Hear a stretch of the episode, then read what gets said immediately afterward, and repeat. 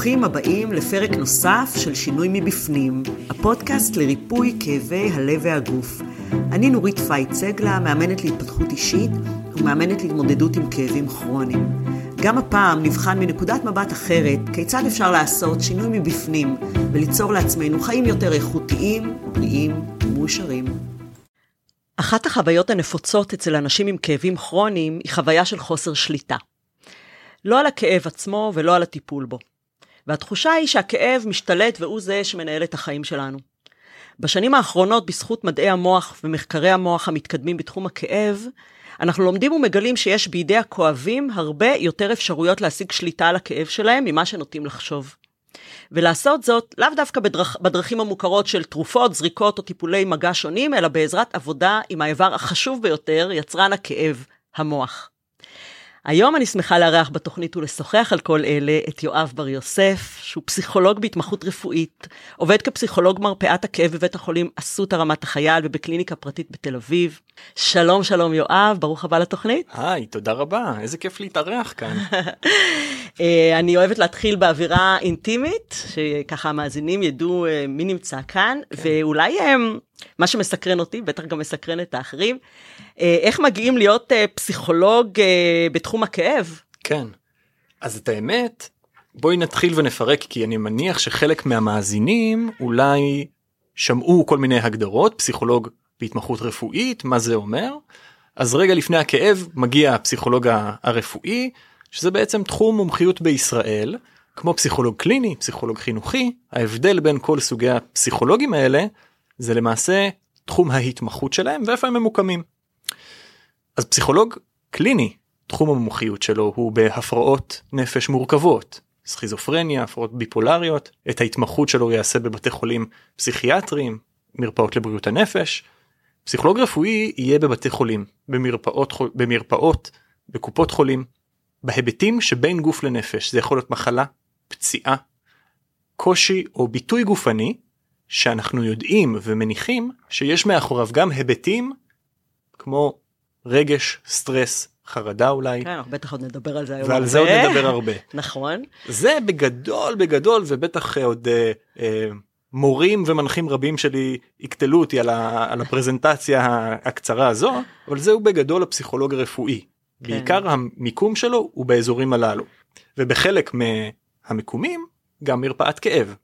אז המונח פסיכולוג כאב עדיין בדגש על עדיין לא קיים במדינת ישראל זה עדיין איזה מונח שאנחנו שואבים השראה מארצות הברית pain psychology אבל זה כן תחום שעוסק בכל המערכים שקשורים לחוויית הכאב לא רק מהמודל הביו-רפואי שעוד נדבר עליו לא רק מהחוויה הגופנית אלא גם כן. מהחוויה הפנימית רגשית מוחית. מה קרה אצלך איפשהו במהלך השנים שגרם לך לבחור את הנישה הזאת את ההתמחות הזאת? את האמת שכמה פסיכולוגים מצידי להגיד את זה אבל הייתי עם אמא שלי כן והיא הזמינה אותי יום אחד לסרט בסינמטק היה פסטיבל סרטים אני הייתי לדעתי לפני התואר הראשון בפסיכולוגיה קצת אולי מיד לאחריו. אה, היה סרט שנקרא All the Rage, מה שנקרא בתרגום חופשי כל הזעם. כן, אני זוכרת את הסרט כן, הזה, אגב בסי... מומלץ מאוד. מומלץ מאוד, הוקרן כן. בסינמטק, הגיע הבמאי מייקל גלינסקי, נתן שם איזה הרצאה קצרה, ולפניו עלה רופא בשם ניר ברוש, שנתן הרצאה שהיממה אותי, הביא עדויות ומחקרים, ובאמת חשף אותי לגישה שלא הכרתי לפני כן. נכון.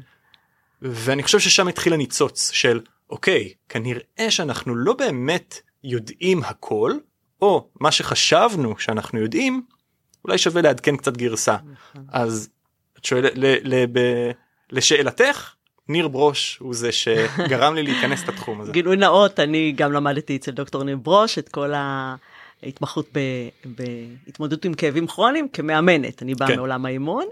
אה, דרך אגב את ההרצאה הזאת שלו אפשר לראות ביוטיוב בצורה חופשית לחלוטין ממליצה לכולם. מומלץ ומומלץ לעקוב אחרי ניר הוא גם כן, עוסק בתחומים נכון. של ייעוץ שינה יש לו שם נפלא נפלא. אז בעצם אתה מספר לי שאתה הלכת ללמוד פסיכולוגיה כי אהבת את התחום הזה ואז נתקלת בסרט יחד עם ההרצאה ופתאום הבנת שזה הכיוון שאתה נמשך אליו. כן. איך לומדים את זה?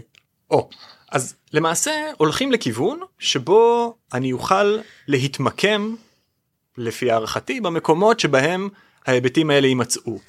מההערכה הכללית שביצעתי פסיכולוגיה רפואית זה באמת היה המקום, כלומר היבטים של קשרי גוף נפש בארצות הברית יש עכשיו תחום מומחיות ברפואה חדש שנקרא mind body medicine אמ, מי שמכיר ושמע על דוקטור האוורד שובינר הוא הרופא שמוביל את התחום הזה מאוד מומלץ גם, גם אחריו לעקוב אנחנו מוציאים נכון. פה את המאזינים עם רשימת uh, המלצות. אבל באמת לראות איך אנחנו יכולים להשפיע על היבטים שאנחנו פחות אולי מעוניינים שיהיו ואיך אנחנו אפילו משתמשים בהיבטים גופניים כאיזה סוג של ברומטר לאיך אני מרגיש מה הייתי רוצה לשנות. אם הבטן שלי כואבת עכשיו אולי זה איזשהו סימן אם כל הזמן כואב לי הראש רק במוצ"ש לפני שביזות יום מה זה אומר כל מיני דברים כאלו ש... פתאום אתה אומר, אה, אה, שימו לב רגע לדפוסים מסוימים, כי שם אולי הרמז הראשון לדעת שמעורב פה עוד דבר מלבד המצב הפיזי. לגמרי ואת אמרת בצדק רב מאוד את דיברת על היבטי שליטה בהצגה שלך וזה כל כך נכון כי הרבה פעמים אנחנו מנסים ושואפים להיות בשליטה כל הזמן ואז מה קורה? אנחנו חולים כואב לנו איך אתה מסביר את זה? אני חושב שזה איזושהי נטייה טבעית אבולוציונית של כל אחד מאיתנו להיות בשליטה לכן יש לנו עונות שנה לכן יש לנו משפחה לכן מתחתנים מסגרות זה משהו טבעי קבוע ויציב לאור כל תקופות החיים אה, שיכולה להיות מאוד מטלטלת כן כלומר, אנחנו מחפשים כל מיני דרכים ליצור לעצמנו ודאות, כן. שמאפשרת לנו שליטה. בהחלט בהחלט עוגנים אוקיי. שכאלה והרבה פעמים מה לעשות המציאות החיים הם הרבה יותר מורכבים. אנחנו בישראל יודעים את זה במיוחד אה, יודעים את זה טוב נכון. ואנחנו נורא מופתעים ואנחנו מנסים לחפש את השליטה הזאת מחדש. הרבה פעמים הטיפ הוא דווקא לשחרר לא לאחוז כמה בודהיסטי כן מפה אפשר להס- להסביר גם את ההצלחה של הגישה כי ככל שננסה לאחוז יותר אנחנו מפתחים גם תלות רבה יותר נכון. בשליטה. טוב, אתה יודע, המילה הזאת, המילים האלה לשחרר שליטה, אמ, אף אחד לא מבין את זה בדיוק. מה זאת אומרת לשחרר שליטה? כן אז הרבה פעמים זה אפילו מפחיד. זה מפחיד כי חושבים הרבה פעמים כשאני משחרר שליטה אז אני צורח אל השמיים אני מביט ו... ו... אז, אז זה סוג אחד של שחרור שליטה. אני רואה שחרור שליטה כהסתכלות מחודשת על דפוסים בחיי ובחינה מדוקדקת מה הייתי רוצה לשנות. לדוגמה, אני רוצה לרדת במשקל. אוקיי. מה הקשר? אני מצוינת. פסיכולוג רפואי, כן, גם אני רוצה לרדת במשקל, נגיד. מה אני עושה שמשמר את המשקל הנוכחי שלי? אז אני אוכל מתוק, ואני יודע, אני אוהב המבורגרים, אני יודע, וצ'יפס מטוגנים, אוקיי. מה הייתי רוצה לעשות? לאכול בריא. מה עוצר אותי? אני לא עומד בזה. בפני מה? בפני ה craving הזה, שאני רואה את הדבר הזה. הייתי רוצה לשנות את זה? כן. בואו ננתח את זה, בואו נפרק את זה. כי גם פה יש סוג של אובדן שליטה. אני נחשף לגירוי המפתה הזה ולא עוצר, אוקיי, רגע בואו נתרחק.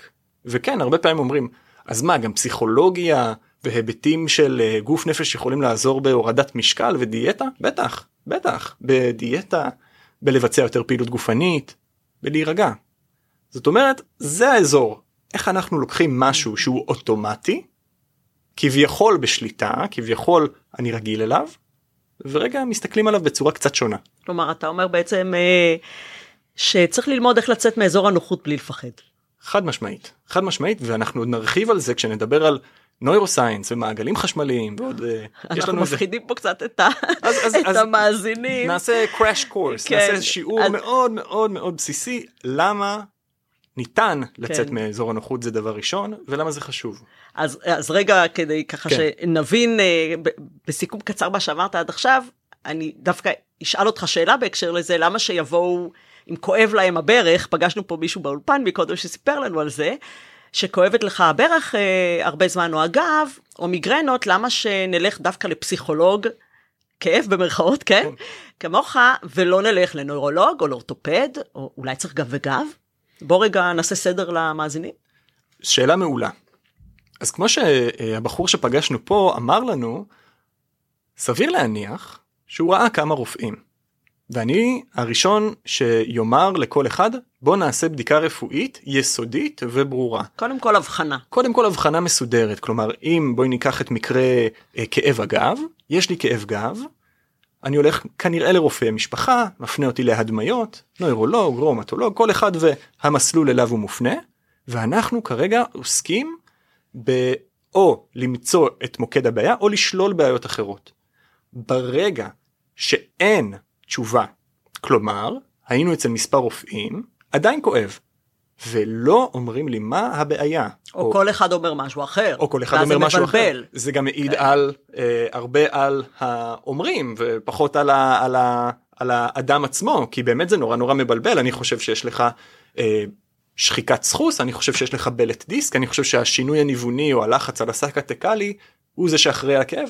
בעוד אנחנו יודעים שכל הדברים האלה הם שינויים טבעיים. כלומר אנחנו פה בגוף שנועד לסחוב 80 90 100 שנה כן, או זה... כמו שאומר אה, דוקטור אה, שובינר שמקודם הזכרת אותו שזה normal abnormalities. לגמרי. שזה אה, בעצם עיוותים נורמליים בגוף. כן. או... כמו, ש, כמו שאני אומרת כמו שהאור שלנו מתכמת ומזדקן ככה גם עמוד השדרה משתנה ככה כל מיני איברים פנימיים בגוף הם מזדקנים יחד איתנו זה לא אמור לכאוב. ממש ככה. קמטים מבפנים קמטים מבפנים אהבתי. ו, ובהחלט גוגלת כל מה שאנחנו אומרים פה מוכח מדעית ומחקרית חפשו את המחקרים האלו כי זה באמת מרתק זה גם אחד הדברים שניר ברוש בהרצאה שגרמה לי להיכנס אמר יש איזה מיתוס שאם כואב לי הגב אסור לי להתכופף לא נכון אם כואב לי הגב אני צריך לשכב במיטה לא נכון כל מיני דברים שלמדנו או אנחנו חושבים שאנחנו מכירים על עולם הכאב והם לא מבוססים על שום דבר. אנחנו בטוחים שזה מה שיעזור לנו. כן בדיוק כן, בדיוק. כן, אבל זה לא עוזר. יפה אז אני חוזר לאותו מטופל אה, אה, אה, שבאמת מתוסכל כי הוא רואה הרבה רופאים ולא מצליח לקבל הטבה משמעותית לכאבים.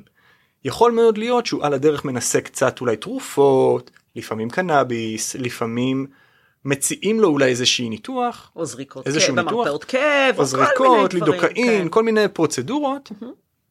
לא מאוד עוזר. אנחנו עדיין באיזשהו לופ.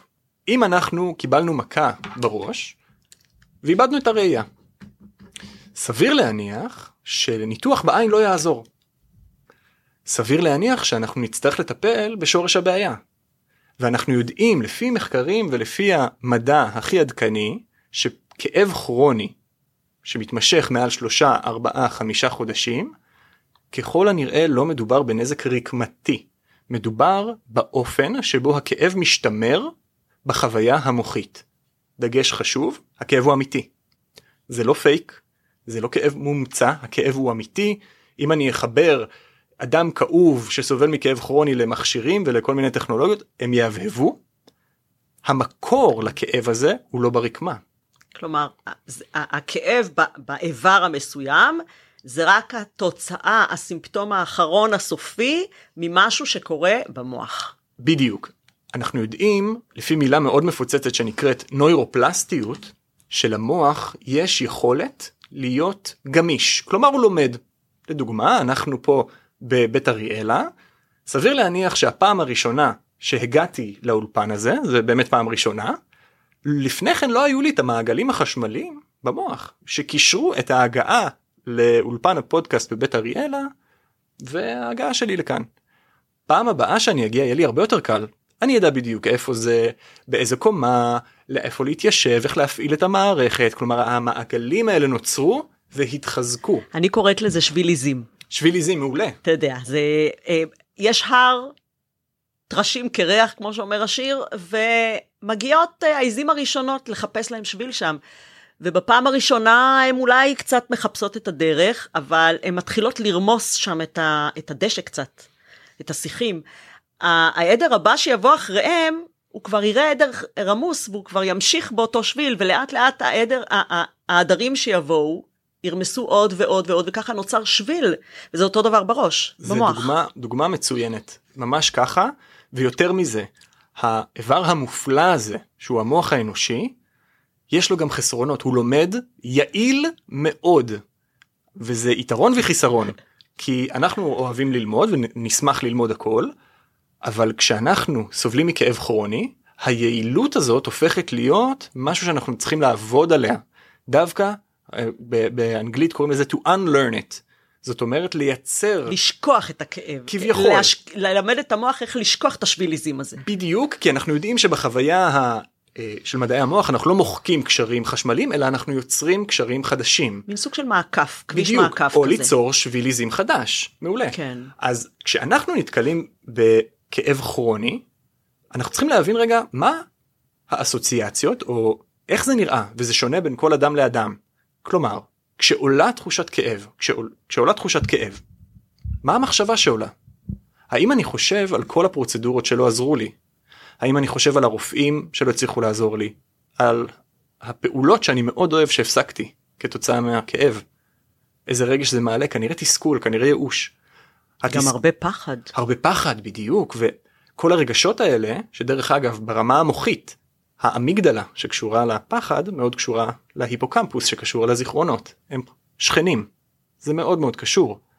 הדבר הזה מעורר את רמת המתח שלי הסטרס הורמוני קורטיזול נורא אדרנלין אני מוצף הגוף מזהה סכנה אז הוא מצייד אותנו במרכאות אני עושה כי הוא חושב שיש פה סכנה. בואו בגלל נגיד. כל הרגשות שעלו. הוא בדיוק. מפרש את הרגשות הללו כרגשות שמעידים על איזושהי סכנה, וזה לא משנה אם זאת רג... סכנה רגשית פנימית שלנו, או סכנה שבאמת, אה, כמו שאומרים בדוגמאות, האריה עכשיו עומד מולי פה ביער ועומד לטרוף אותי. בדיוק אני אני זה דוגמה מצוינת מה שאת אומרת עם האריה.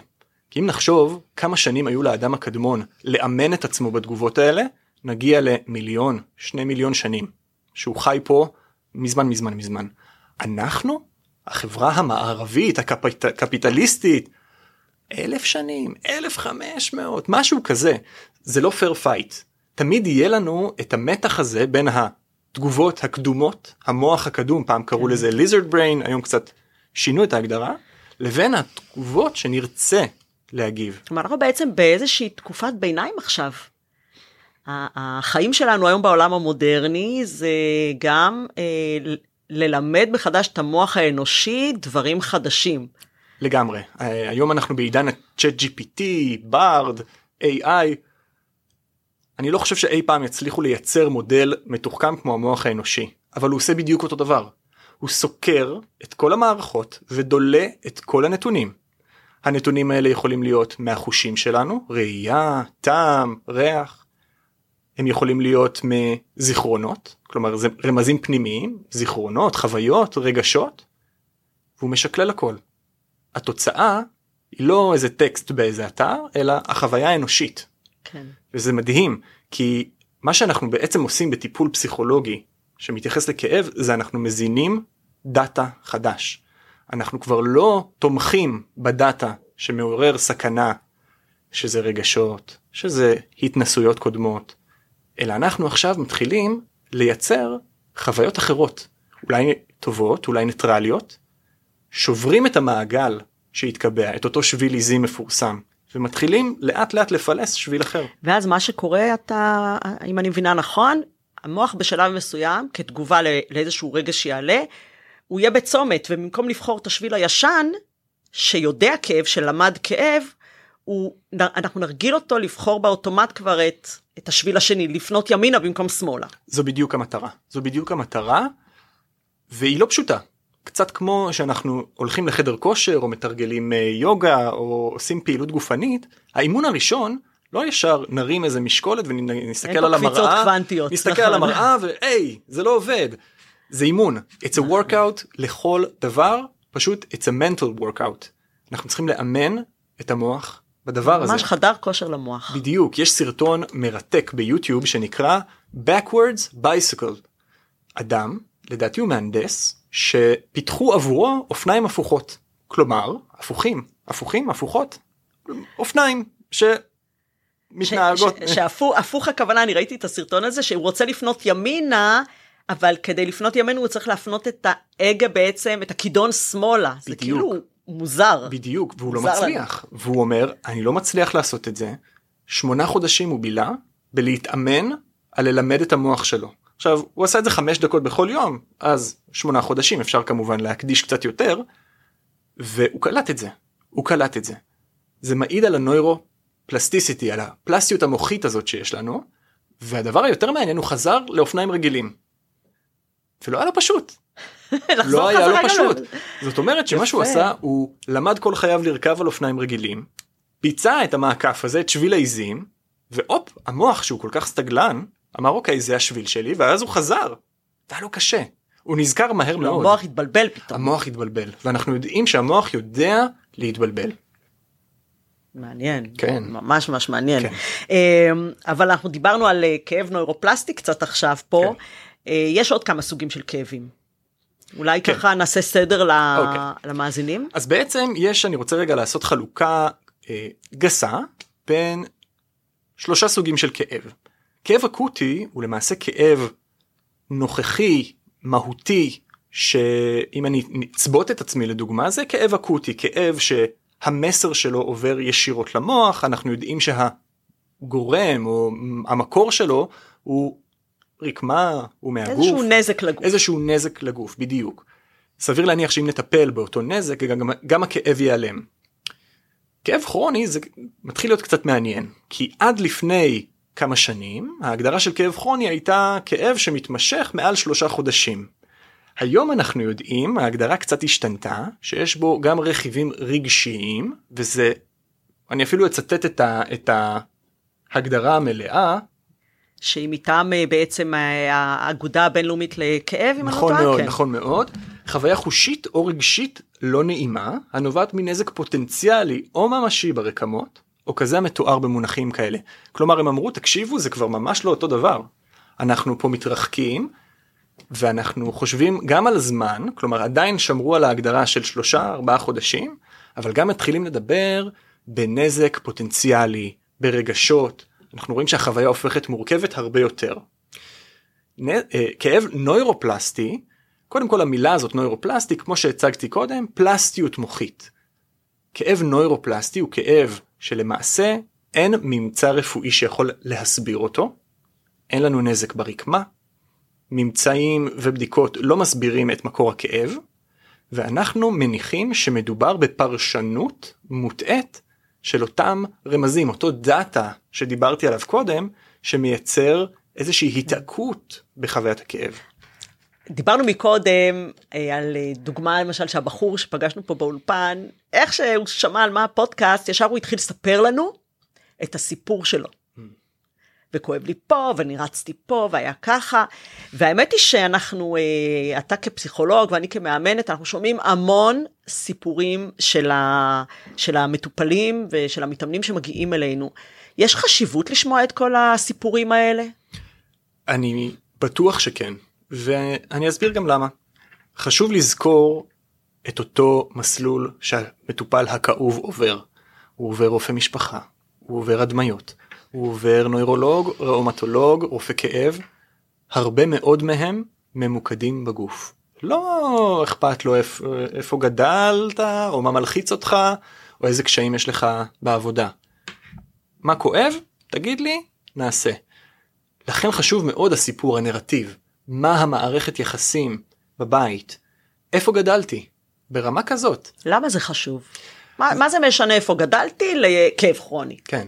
אז אנחנו יודעים שהרבה פעמים אותו, אותם מעגלים חשמליים שמופעלים בזמן חוויית הכאב, סביר להניח שזו לא פעם ראשונה שהם הופעלו. ולצורך ההדגמה, רק לצורך ההדגמה, מטופל שמספר לי שכואב לו במיוחד אחרי שבוע עבודה, כשאנחנו מבררים טיפה יותר לעומק, כתוצאה מהבוס שלו, הבוס שלו מפחיד, תובעני, דורשני, הוא מרגיש שהוא לא יוכל לרצות אותו, ואופס, פתאום יש איזה הבלחה, אתה יודע מה? זה מזכיר לי, כשהייתי ילד קטן, כל הזמן ניסיתי שאבא שלי יתגאה בי. מה אתה אומר? זה נורא מעניין, כי יכול מאוד להיות שבאותה סיטואציה מעגלים חשמליים מסוימים התחילו להתגבש. להתגבש, להתעצב, להתקבע, והם באים לידי ביטוי אחר כך, בצורה קצת אחרת. אבל סביר להניח שברגע שאנחנו מפענ... מפענחים את הסיפור, אנחנו יודעים הרבה יותר טוב מה קורה. האם זו תגובה הישרדותית? האם זו תגובה שהיא טבעית? האם יש פה משהו שאנחנו יכולים לעשות ברמת הטיפול כדי לשנות? בוא נשאל באמת, מגיע לך באמת אדם כזה, שאתה מבין שזה איזושהי כבר תגובה של המוח, כי הוא נזכר במשהו שהיה בעבר, בעצם הוא משחזר את, ה, את הפרשנות שלו הזאת, כן. ואז הוא מייצר כאב. מה אפשר לעשות? הרי אני לא יכולה לתקן את העבר. לגמרי. אנחנו חופרים בו, חופרים בו, מגלים, הבנו את הקשרים, איזה יופי. ועכשיו מה? אז, אז כמו שאני קצת אומר הרבה פעמים למטופלים שלי, המטרה שלנו היא לא להסתכל הרבה אחורה אלא קדימה. המבט שלנו תמיד קדימה, גם הסימפטומים, גם הכאב, הרבה פעמים, הרבה מאמץ הושקע to turn away from the pain, לברוח מהכאב. ההפך, כל flare up, כל כאב הוא הזדמנות לבחון לעומק מה קורה. כשמטופל מגיע אליי, אני שואל אותו, מה היית רוצה? או, מה המצוקה העיקרית? תתפלאי. חלק ניכר לא אומר לי שיפסיק לכאוב. גם אצלי, דרך כן, אגב. כן, שזה מדהים. זה, זה בסוף המשני. זה בסוף משהו, כן מפריע לי. זה ברור להם שזה חלק מהעניין, אבל כשמתחילים לדבר, פתאום יש להם משהו יותר חשוב. כן. אתה יודע, מה שבאמת מפריע לי, זה הבדידות שאני חווה. ואין לי עם אף אחד לשתף את הסבל. כלומר, הסבל הוא פתאום הופך להיות איזה מוקד אחר. נורא נורא מעניין, שהוא בהחלט קשור ומזין את חוויית הכאב, ששוב פעם, חוויה גופנית ורגשית, מעגלי מוח שהם גם בחוויה הסומטית הגופנית, גם בחוויה הרגשית, מהבהבים בכל כאב. גם אם אני אצא בסיום הפודקאסט שלנו, אדפוק את הזרת הקטנה במשקוף, מעגלים חשמליים רגשיים יהבבו לי באותה חוויה, שזה מדהים. לכן אנחנו מחפשים את הדלקים האלה שמלבים את חוויית הכאב. נורא מעניין. איך מלמדים אותו עכשיו אה, לשנות את, ה... כן. את התגובה הזאת? מה למשל? כן, אז בגדול, הדבר הראשון שאני עושה זה בעגה המקצועית זה נקרא פסיכו-אדיוקציה, חינוך, לימוד. אנחנו נראה סרטונים ביחד, אנחנו נקרא. למשל, סרטונים למשל, באיזה נושא אבל? באיזה נושא? בנושא כאב נוירופלסטי. כלומר, זה... מישהו שבא אליך ואתה כן. מגלה שבכלל יש לו סיפור של בדידות, אתה לא תראה לו סרטים על אה, איך יוצאים מבדידות, אלא אתה תראה לו סרטים על איך עובד המוח. בהחלט. למה? איך עובד המוח למה? ומערכת העצבים. למה זה חשוב? היכולת להבין מה עובר עלינו, היכולת לדעת. הרבה פעמים אנשים, אני שואל אותם, אתה יודע מה זה, מה זה כאב? מה זה החוויה שנורא מסעירה אותך? אין לי מושג. מה זה ברמה הפיזיולוגית?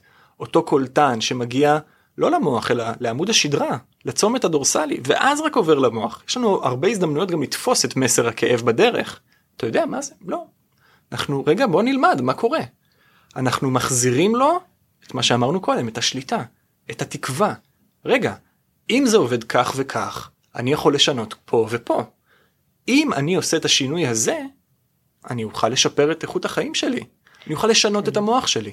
זה בעצם נדמה כאילו אנחנו, אה, המוח שולט בנו, כי הוא מנהל אותנו, המחשב על, אבל יש אה, נקודות מסוימות שכן יש לנו אפשרות לעשות שינויים במוח שלנו. לגמרי.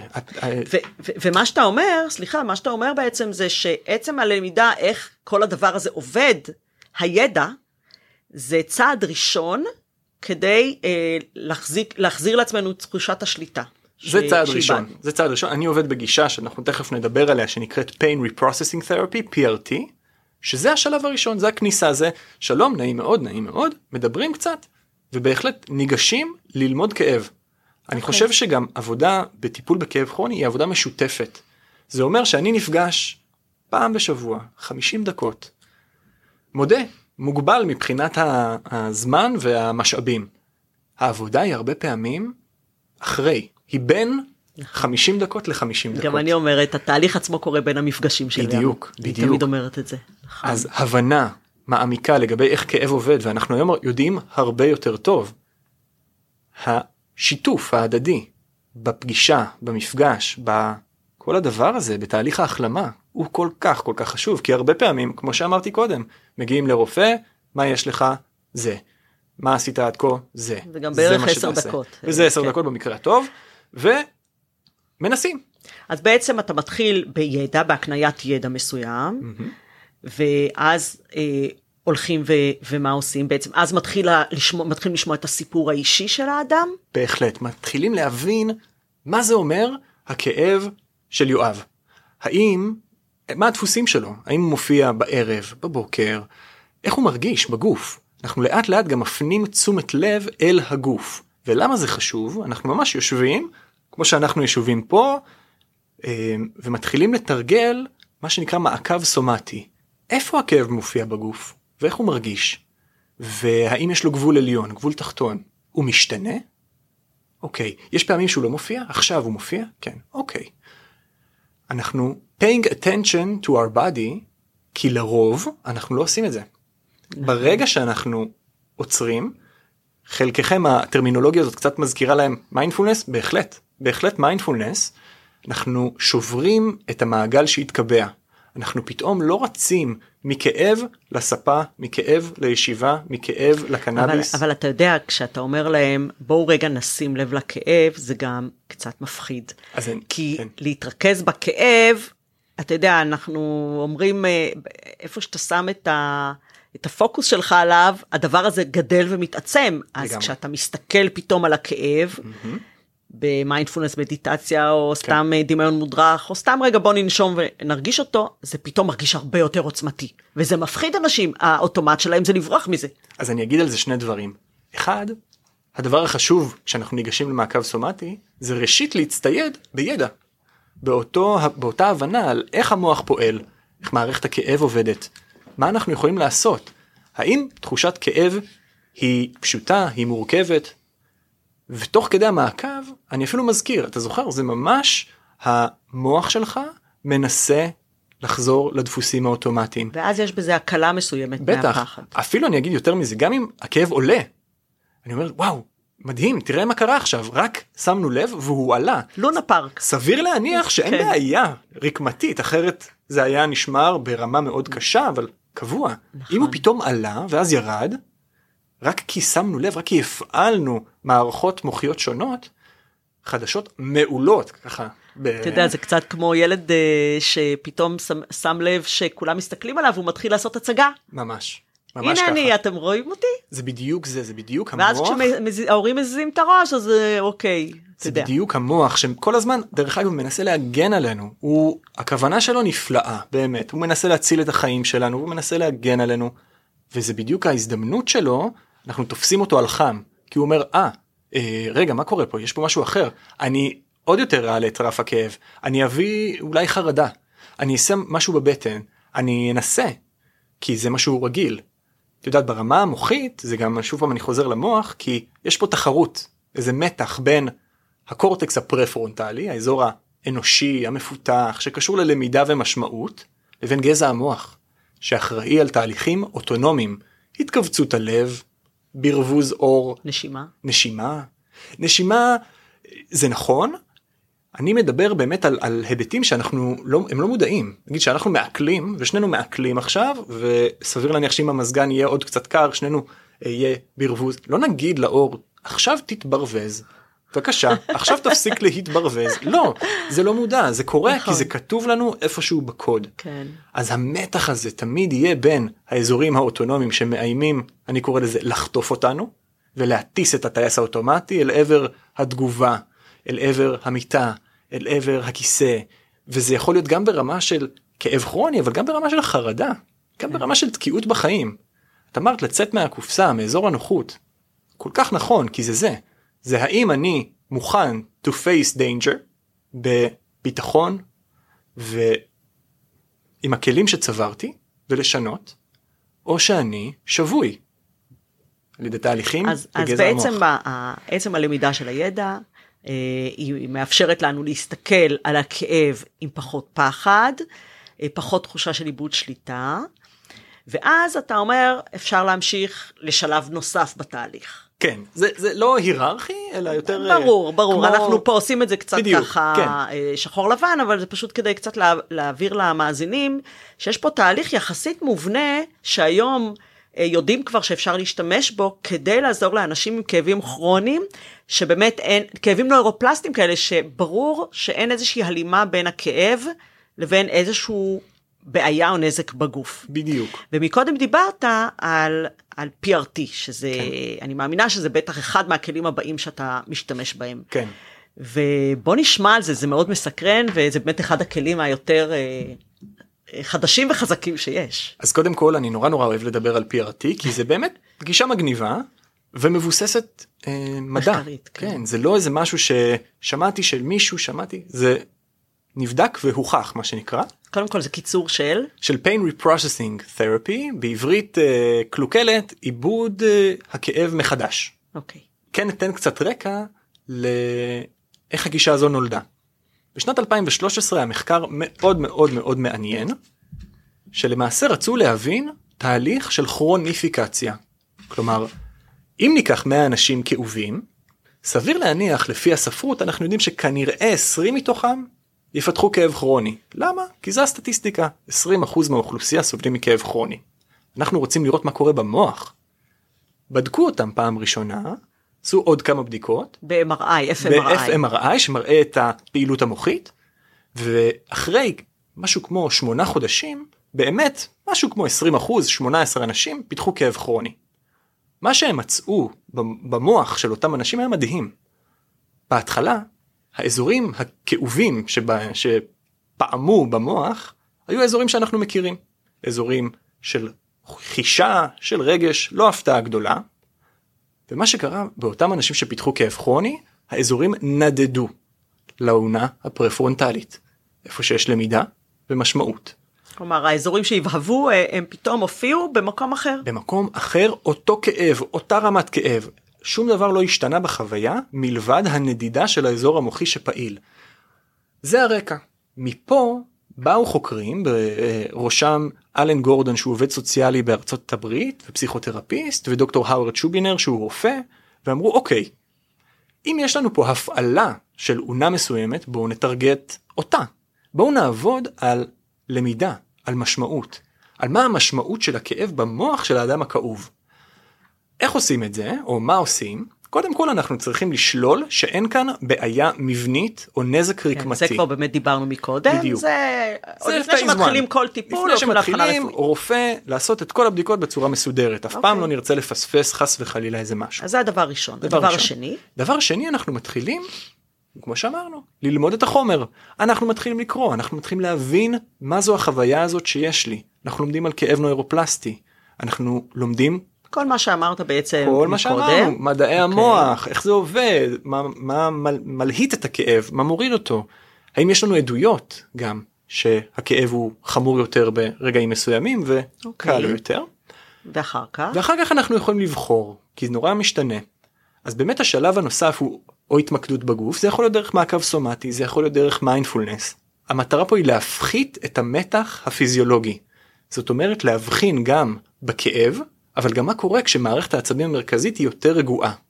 האם אנחנו יכולים להרגיש באיזשהו שינוי לצייד את המטופל בעוד קצת כלים שיוכל לסייע לו גם בעתיד. זה איזשהו היכרות עם הגוף זה קורה בכאן ועכשיו.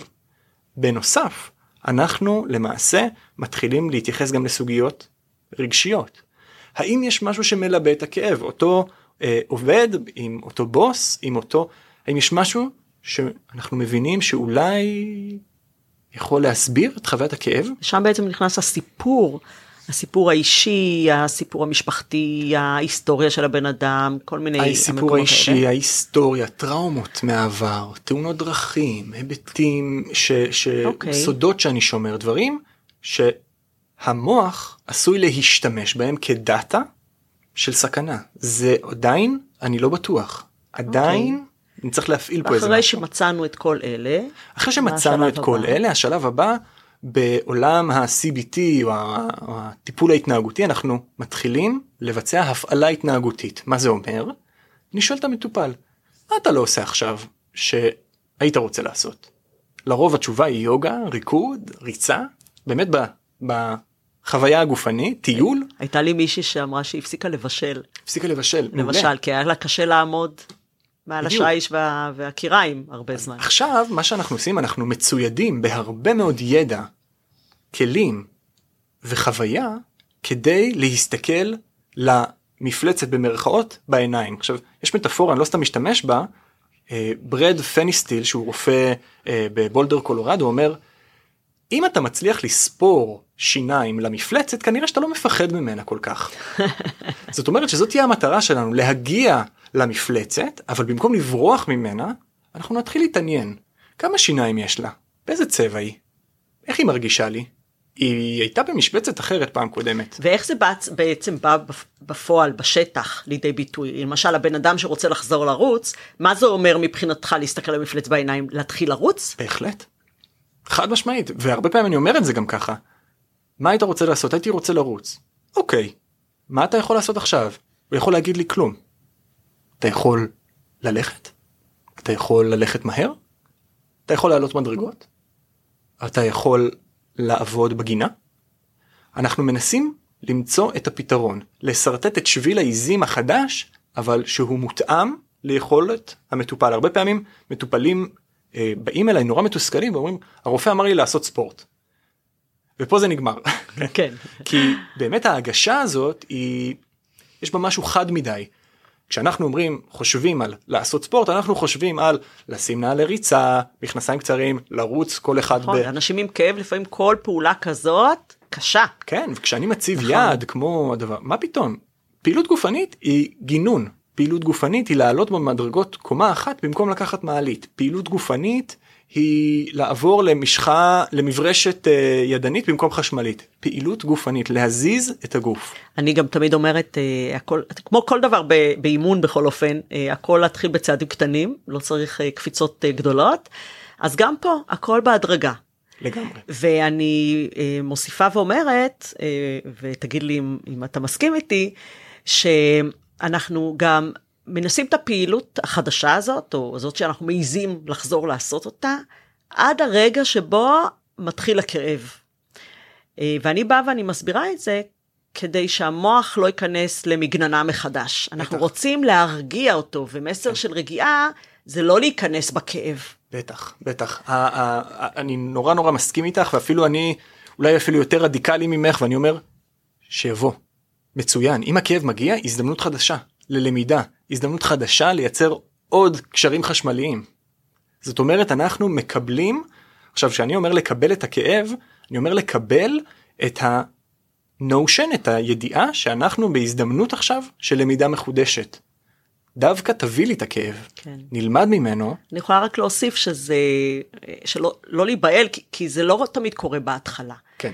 לוקח זמן שמ, עד שמעיזים להגיד, אוקיי, יש פה כאב ויש פה הזדמנות, בוא נלמד מהכאב הזה. זה, אי אפשר את זה ישר בהתחלת התהליך, אנשים ישר מתמלאים בהתנגדות. כן. ו- ויברחו מזה אפילו יותר רחוק ממה שהם בורחים עכשיו. לכן לרוב זה יהיה השלב האחרון, אנחנו מגיעים לשטח רק כשאנחנו מצוידים בידע, בחוויה, בהבנה. אני חושב שהבנה, למידה, כל הדברים האלה הם סופר סופר משמעותיים כדי לייצר למידה מחודשת. כן. אני הרבה פעמים עוסק גם ב, כמו שאמרתי, הפרחת מיתוסים. אם אני ארוץ זה יעשה לי נזק בגב. לא נכון. הרופא אמר את זה? לא. אז למה אתה חושב? נראה לי... אוקיי, בוא ננסה. זאת אומרת אנחנו צריכים להיות מצוידים לפני שאנחנו, כמו שאמרת, מסתערים על, ה... על הכאב. כן, כן. אז מה שאני שמעתי ממך בעצם, שמה שאתה עושה בטיפולים שאתה מעביר, אה, הכל מתחיל פחות או יותר אותו דבר. ואז בשלב מסוים, או ש... אה, נשארים עם הסריקה הסומטית הזאת, או ההתבוננות הסומטית הזאת על הכאב, או שמעיזים לקחת צעד נוסף ו- וממשיכים עד ממש להחזרה לפעילות מסוימת וכולי, שזה זה כבר הגישה בכללותה של ה-PRT הזאת. כן, אז אני באמת משתדל לקחת את המטופלים די באותו כיוון, אבל זה נורא משתנה, כי יש אנשים שנורא מתקשים במעקב הסומטי, זה קשה, באמת זה כמו לתרגל מיינדפולנס מיינדפולנס זה לא פשוט חבר'ה זה לאמן איזה שריר מנטלי להיות בכאן ועכשיו בניגוד מוחלט למה שאנחנו מה רגילים. מה אתה עושה עם מטופלים שלא מתחברים לא מתחברים איך אתה מתאים להם כלי כן. שכן מתאים ובכל זאת הם, הם מצליחים לשפר את המצב שלהם. אז חשוב לזכור שתמיד אני אני קודם כל אני מאוד מאוד עקשן ואופטימיסט אז קשה גם אה, זה אני חייב לומר בגילוי נאות תמיד תהיה דרך. אני לא פגשתי מישהו שלא הייתה אף גישה או טכניקה או רגע ביום שייצר לו נחת. זה יכול להיות רגע של שקיעה, זה יכול להיות אפייה בשישי, זה יכול להיות לשים את הראש לאיזה שנץ, איזה רגע כזה, כל מה שאני מחפש מבחינתי זה רגע שאני באיזה, זה, זה בעצם להציף רגע למודעות, לגרום למטופלים או למתאמנים להיות רגע מודעים במשך, אה, במהלך היום, מה קורה איתם. אנחנו לא שמים לב לרגעים השקטים האלה.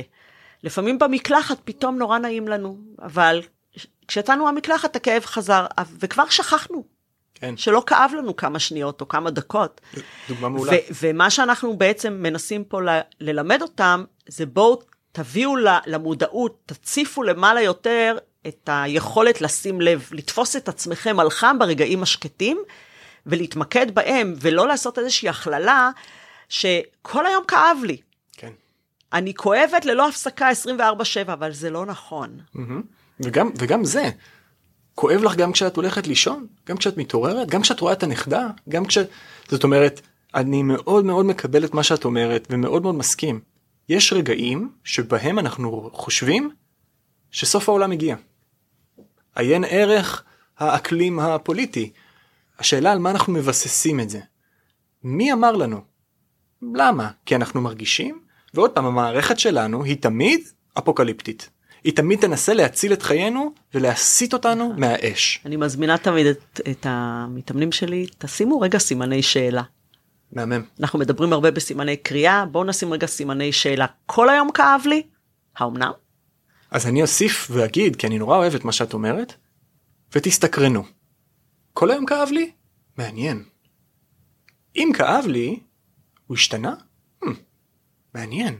כלומר, כלומר, אוקיי, אז אם אני כבר אומרת לעצמי, כל היום כאב לי, אז בואו נתעמק בכל היום כאב לי הזה. ממש ככה. מה, מה קורה פה? מה אני חווה? זה באנגלית יש אה, משפט שכמובן באנגלית הכל נשמע יותר טוב checking in with your body. כל מי שעשה מדיטציה מכיר את ה... אנחנו בודקים מה שלומי? מה אני מרגיש? האם הכתפיים שלי הן מורמות או שהן משוחררות מטה? ואני מעניין אני מזמין כל אחד מהמאזינים עכשיו לבדוק האם הוא יכול קצת לשחרר את הכתפיים שלו מטה. איזה הבדל. לא שמנו לב בכלל שהכתפיים היו למעלה. הופ. זה קורה לי המון, דרך אגב, אני ברור. תופסת את עצמי המון על חם עם הכתפיים מכווצות, אני אפילו לא שמה לב לזה. זה, זה נורא קשה. בקוד שלנו אנחנו דוארים אנחנו fight or flightים זה כתוב לנו אנחנו לא נצליח לשנות להיות נירוונה בודהה אבל אנחנו נצליח לתפוס לכיוון גם לא צריך להיות כל היום נירוונה, הכל בסדר, אנחנו כן, בני אדם, אנחנו ברור. בני אנוש, אה, אנחנו, זה טוב שיש עליות וירידות, זה מזכיר לנו שאנחנו עדיין בחיים. כן.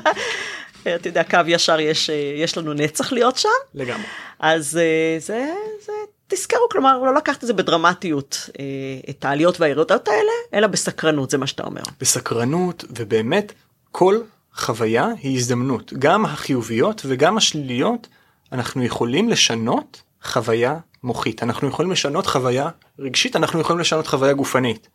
איך? יכול לקחת זמן זה אולי תהליך אבל זה אפשרי. נכון. אז אה, אנחנו כבר צריכים לסיים, אתה וואו, תאמין או לא? ויש. לנו, אה, אפשר לדבר על הנושא הזה של כאב אה, ועל תסמונות המיינד בודי גוף נפש וכל כן. מה ש... והנוירופלסטיות של המוח עוד המון המון. אבל אה, לצערי הזמן שלנו מסתיים ואולי אתה רוצה להוציא עוד איזה מסר אחד אה, אל המאזינים שיקחו מהתוכנית הזאת איתם. תקווה. יש מקום לשינוי, זה אפשרי. פיזית, פיזית אנחנו בנויים להשתנות. לא יעזור. גם כשאנחנו מרגישים שאנחנו לא יכולים להשתנות ושהכול אבוד, פיזית היכולת שלנו קיימת. תמיד יש תקווה. כלומר הכוח להתרפא הוא בידיים שלנו הרבה פעמים, זה רק דורש ידע, אה, אומץ ותרגול וסבלנות. ואת שביל העיזים המדויק. כן, ואת שביל העיזים המדויק לנו. וואו, אה, יואב, אני רוצה להודות לך. תודה רבה, אה, באמת, אה, התארחת פה, שיתפת בכל כך הרבה ידע, גם אישי, אבל גם אה, מאוד מאוד מקצועי, ואני חושבת שזה מאוד חשוב לאנשים עם כאבים. כמו שאמרנו, זה אחד הדברים הראשונים שהיום מבינים שצריך לעשות עם אנשים שסובלים מכאבים כרוניים. אני בטוחה שפתחת למאזינים פה הרבה נקודות מחשבה מרתקות וחדשות, וכמו שאמרת גם ממלא תקווה. במידה ותרצו ליצור קשר עם יואב, אני אשאיר את פרטי הקשר שלו בתיאור של הפרק. הפרק הזה הוקלט באולפני אה, ספריית בית אריאלה בתל אביב, אם היה לכם מעניין, ואהבתם את הפרק, אל תשכחו להירשם לפודקאסט ולהתעדכן על כל אה, הפרקים החדשים שעולים, וכמובן תדרגו את הפרק וככה תעזרו לתפוצה שלו ליותר אנשים. אתם גם מוזמנים להמשיך ולעקוב אחרי התכנים שלי דרך הלינקים הנוספים שמצורפים בתיאור של הפרק, ותודה רבה שהאזנתם, ונשתמע בפרק הבא, ביי ביי.